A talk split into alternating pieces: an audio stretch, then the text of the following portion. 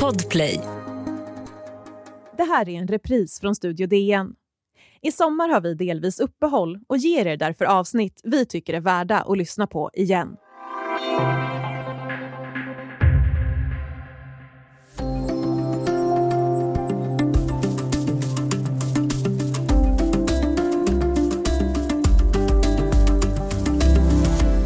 En solstorm som träffar jorden och slår ut internet. Ja, det skulle kunna hända inom vår livstid och vi måste vara förberedda menar experter bakom en ny studie. För i värsta fall kan kraftfulla utbrott på solen orsaka en internetapokalyps. Men varför är internet så skört och hur kan vi skydda den teknik som gör så mycket av vår kommunikation möjlig? Välkommen till Studio DN. Jag heter Ylke Holago.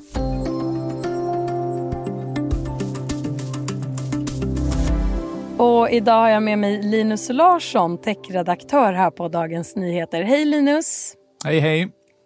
Du har skrivit en artikel med den dramatiska rubriken “Solstormar kan orsaka internetapokalyps”. Det är flera laddade ord där i den rubriken. Så låt oss reda ut det här i lite mindre beståndsdelar. Först, vad är en solstorm för någonting? Ja, en, en solstorm eller en geomagnetisk storm och rymdväder och alla de här begreppen. Det handlar om att eh, det kan inträffa utbrott på solen som leder till att laddade partiklar slungas ut i rymden rakt mot jorden om vi har otur och skapar elektromagnetiska fält så kraftiga att de kan slå ut elektronik eh, här på jorden. Då. Och eh, Den här internetapokalypsen då, som också nämns i din rubrik, hur skulle den kunna drabba oss och vad tänker man sig att en sån internetapokalyps består av? Ja, eh, apokalyps är ett dramatiskt ordval naturligtvis, men här pratar vi alltså om ett scenario där allt eller väldigt stora delar av internet ligger helt nere under väldigt lång tid. Och Det är ju något som skulle kunna få extrema konsekvenser för ekonomi och samhälle och det är inte alls något av de här små, kortare avbrotten som man kanske har blivit lite grann eh, van vid. Och Det finns en reell risk, vi ska prata mer om det här, men internet var ju faktiskt på väg att försvinna, eller det var nära i alla fall en gång tidigare, 2012. Vad var det som hände då? Ja, eh, sommaren 2012 eh, skedde faktiskt precis ett sånt här stort utbrott på solen, en coronamassutkastning som det kallas. Eh, och det var av allt att döma klart nog eh, kraftigt, eh, tillräckligt kraftigt för att kunna skapa enorma problem eh, på jorden. Men vi hade tur den gången, för då, det skedde inte i våran riktning. Men hade det skett någon dryg vecka tidigare eller senare, då hade den kunnat slå eh, rakt mot jorden. Och det är egentligen lite konstigt att den här händelsen inte är mer känd än den är. För det hade i så fall varit första gången riktigt stora geomagnetiska Eh, en riktigt stor geomagnetisk storm eh, slår mot oss under den tid i människans historia då vi har internet och är så otroligt beroende av eh, digital kommunikation.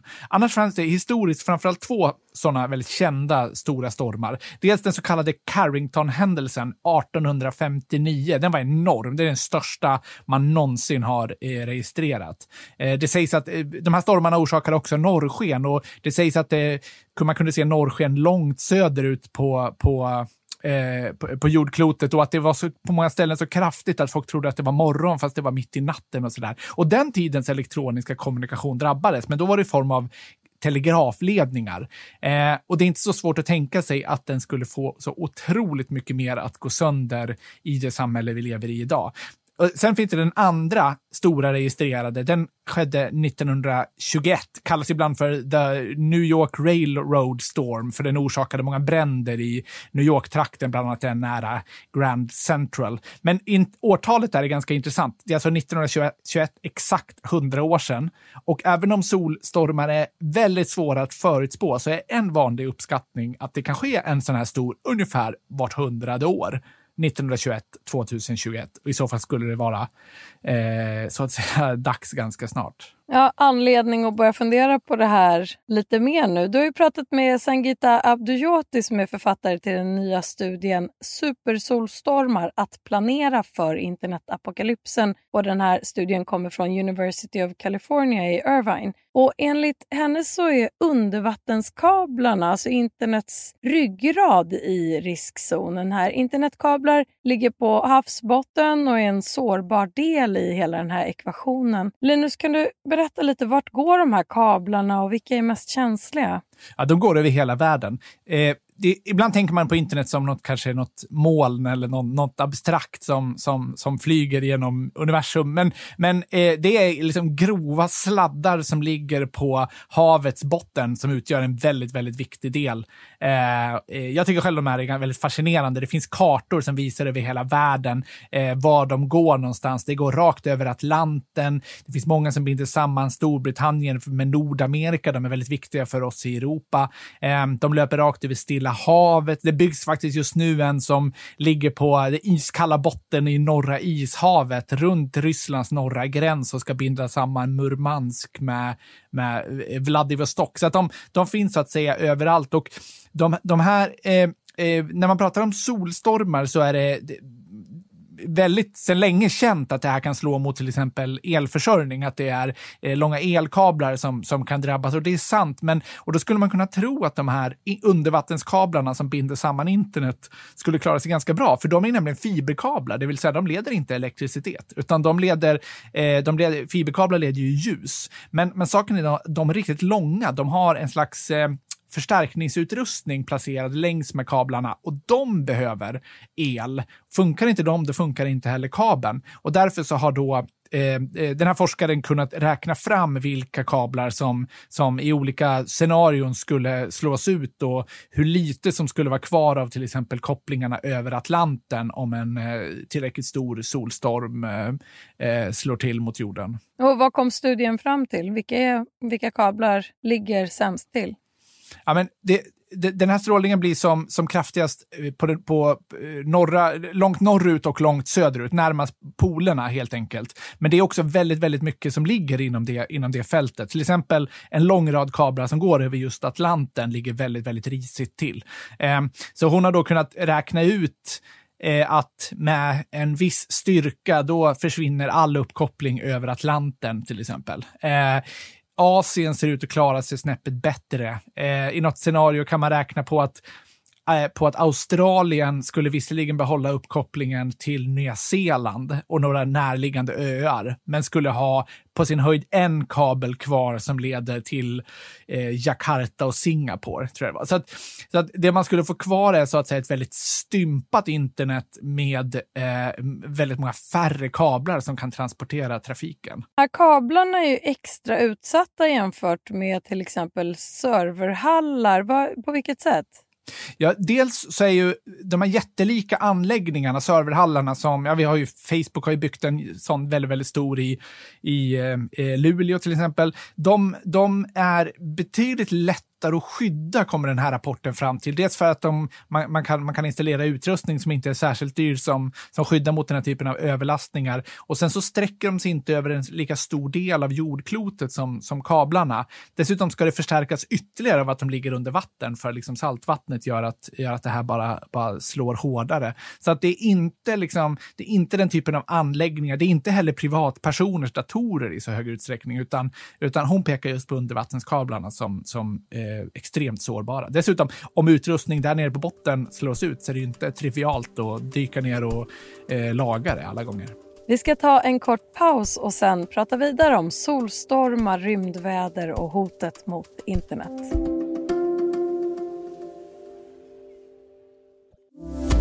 Du lyssnar på Studio DN där vi idag pratar om hur solstormar kan orsaka en så kallad internetapokalyps. Linus Larsson, hur kan vi skydda oss från ett internethaveri om solstormen skulle slå till?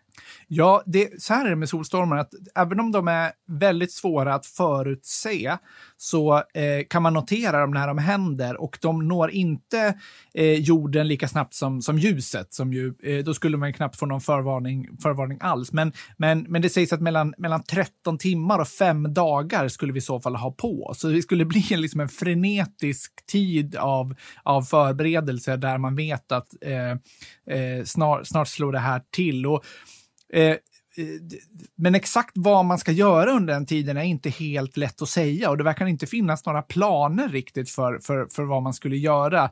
Eh, forskaren som jag eh, som har skrivit den här rapporten föreslår att, att man ska eh, frivilligt stänga, stänga av en del av de här eh, kablarna. Men det där skulle ju vara en ganska svår riskbedömning att, att okej, okay, vi vet att det sannolikt kommer hända någonting om fem dagar, så vi, så vi, vi hugger sönder internet ett, ett tag och, och, och lägger ner delar av det i, i förebyggande syfte. Det där kommer ju inte vara helt enkelt. Dessutom är ju internet så pass så decentraliserat. Eh, även om ja, det, vem idag... äger kablarna? Vem är det ja, som fattar ett sånt beslut? det är ju stora, stora företag som, som, som driver de här. Eh, eh det, Telia är en sån aktör faktiskt som har en del eh, kablar av, av ganska stora dimensioner. Eh, men, men sen är det ju så, i och med att det är så många olika företag och olika aktörer så finns det ingen, liksom ingen riktigt samordnad plan och inte en eh, person eller en, ett, en organisation som kan ta beslutet hur man ska hantera det här, utan det skulle man liksom behöva göra upp någon form av gemensam plan för. Eh, och sen är ju den andra frågan då, alltså skydda oss eh, från att det ska hända är väl det första man vill uppnå, men, men sen om det då händer, det handlar ju inte om att internet ska, precis varenda del av internet kommer, kommer eh, sluta fungera, utan, utan det kommer väl finnas spillror kvar då så att säga, även i de värsta scenarierna. Och eh, då skulle man dels behöva eh, styra om trafiken på ett sånt sätt. Ibland talas det om att internet byggdes för att klara kärnvapenkrig och därför ska man kunna slå ut en, man ska inte kunna slå ut en enda punkt för att eh, eh och, och sänka hela internet, utan då, då, ska, då ta, får trafiken ta en annan väg. Och det, det där är sant sant i grunden, men, men, men att, att anpassa sig efter ett sånt här helt annorlunda scenario skulle kräva att man, att man, att man gör om eh, väldigt mycket. Och sen är det frågan också, okej, okay, så att vi har eh, ett eh, hjälpligt fungerande internet, men vi har inte alls plats för all den trafik, internettrafik som vi, som vi använder idag. Då kanske då kanske det vore klokt att eh, göra en prioritering eh, under en krisperiod. Det kanske finns, eh, man kanske borde liksom stänga ner Youtube i en vecka och låta den mer samhällsviktiga eh, informationen eh, eh, flöda tills man har kommit på, på fötter igen. Men det där finns inte heller några självklara planer för. Det är en massa aktörer, massa olika internetoperatörer som skulle behöva vidta eh, sådana eh, åtgärder. Och jag, jag, Ja, möjligen att den här studien som har fått ganska stor uppmärksamhet kan vara lite startklocka för, för sådana diskussioner. Det finns liksom forum där stora viktiga aktörer som styr delar av internet eh, eh träffas och pratar om sånt här. Men, men, men det verkar inte finnas någon krisplan klar än i alla fall. Och Hur sannolikt är det att vi drabbas av en sån här solstorm som ställer till med allt det här som eh, till exempel studien varnar för och som vi diskuterar här idag? Eh, ja, men man ska komma ihåg det här att eh, det är under ett par årtionden som internet som vi känner idag har vuxit fram. Eh, som vi har fått eh, mobiltelefoner, som att vi har digitaliserat hela våra samhällen, gjort oss extremt beroende av eh, digitala eh, kommunikationer. Och det är några årtionden av onormalt låg solaktivitet. Vi har liksom, det är liksom extremt lugnt på solen som har rådit och, och vi kan liksom inte... Så, att, så att den här utvecklingen har liksom fått ske i skyddad verkstad. Den, det är inte, vi kan liksom inte räkna med att det lugnet ska fortsätta utan eh, det verkar som att vi, vi snarare är i slutet av en sån cykel av, eh, av eh, låg aktivitet. Eh, så det har liksom inte det är inte normalt att det, att det är så här lätt och så opåverkat av, av eh, eh, solstormar. Exakt hur sannolikt det är att det händer och när det skulle hända är väldigt, väldigt svårt att förutsäga. Men, men att det är någon gång per hundra år, som jag var inne på tidigare, verkar vara en ganska eh, vanlig uppskattning. Sen kan det ske flera mindre, men om vi pratar om de här riktigt stora, betydelsefulla. Så bäst att börja vässa krisplanerna. Men hur, om då stormen sveper in och slår till, hur länge känner vi av effekterna? Alltså hur länge pågår själva, dels själva stormen och sen effekterna av den? Ja, det, är ju frågan, det, det beror ju helt på hur snabbt man lyckas laga utrustning eller eller, eller eh, dra nytta av det internet som finns kvar så att säga. Eh, forskaren, den, här, forskaren, den här rapporten pratar om eh, alltifrån dagar, eh, veckor, kanske till och med månader eh, med åtminstone eh, de, viktiga delar som, som ännu inte har eh, börjat fungera. Och det, det, det, det här är ju en typisk sån man brukar kalla det så Black Swan-event, alltså en väldigt osannolik händelse som, eller osannolikt ska jag inte säga för det, det, det sker ju med, med ojämna mellanrum, men någonting som, som, som vi upplever som så avlägset att det blir svårt att det verkar vara svårt för människor att verkligen ta in och planera för någonting sånt, att någonting sånt ska kunna hända. Vi har ju precis, eh, vi är i en pandemi. Alla har egentligen, alla som har minsta koll på läget vet ju egentligen att en pandemi skulle förmodligen inträffa igen förr eller senare på jordklotet. Eh, men när det väl händer så, så får man ju inte känslan av att alla var helt förberedda och, på det. Och, och, och eh, utan man, man, man, det, det, är alltid en situation av någon form av chock som, som inträffar. Och, och det här kanske är lite liknande, att det är svårt att verkligen ta in att ja, det här skulle verkligen kunna hända. Det har hänt förut och det kommer, eh, det kommer hända igen. Så hur tror du att nationer och experter som jobbar med de här frågorna kommer att hantera den här typen av risk framöver?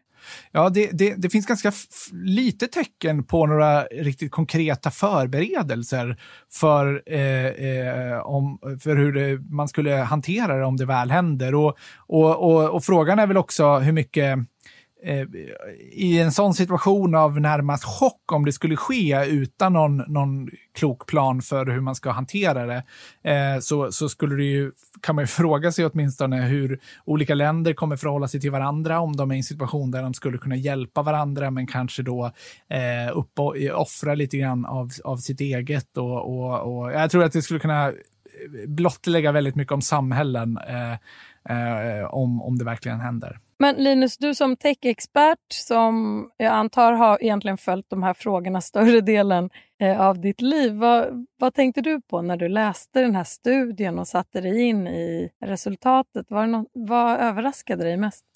Ja, men det, det är nog eh, att det, det, det, det, är nog det här att vi har inte levt under normala omständigheter när vi har byggt upp våra digitala samhällen. Vi har, vi har eh, skapat det moderna internet och, och alla våra digitala kommunikationer i en skyddad verkstad och eh, under mycket lättare omständigheter än, än, än vad som är normalt. Och förr eller senare så kommer vi nog ställas inför ett en situation där, eh, eh, där vi påverkas av eh, solstormar och rymdväder och, och, och, och, det kan ske en riktigt stor eh, eh, sån händelse på jorden. Och, och eh, det är nästan svårt att förutse, föreställa sig hur, eh, vad, vad, det skulle innebära när liksom internet, eller nästan hela internet, har, har eh, slutat fungera under, under så pass lång tid. Vad det gör med ekonomin, vad det gör med samhällen och vad det gör med liksom, eh, vårt vanliga sätt att leva. Tack så mycket Linus Larsson, techredaktör på Dagens Nyheter. Tack. Vill du höra av dig till oss på poddredaktionen så går det bra att mejla studiodn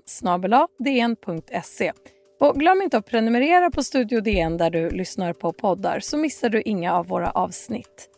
Studio DN görs för Podplay av producent Palmira Kokarimenga, ljudtekniker Patrik Miesenberger, teknik Oliver Bergman på Bauer Media och jag heter Ylke Holago.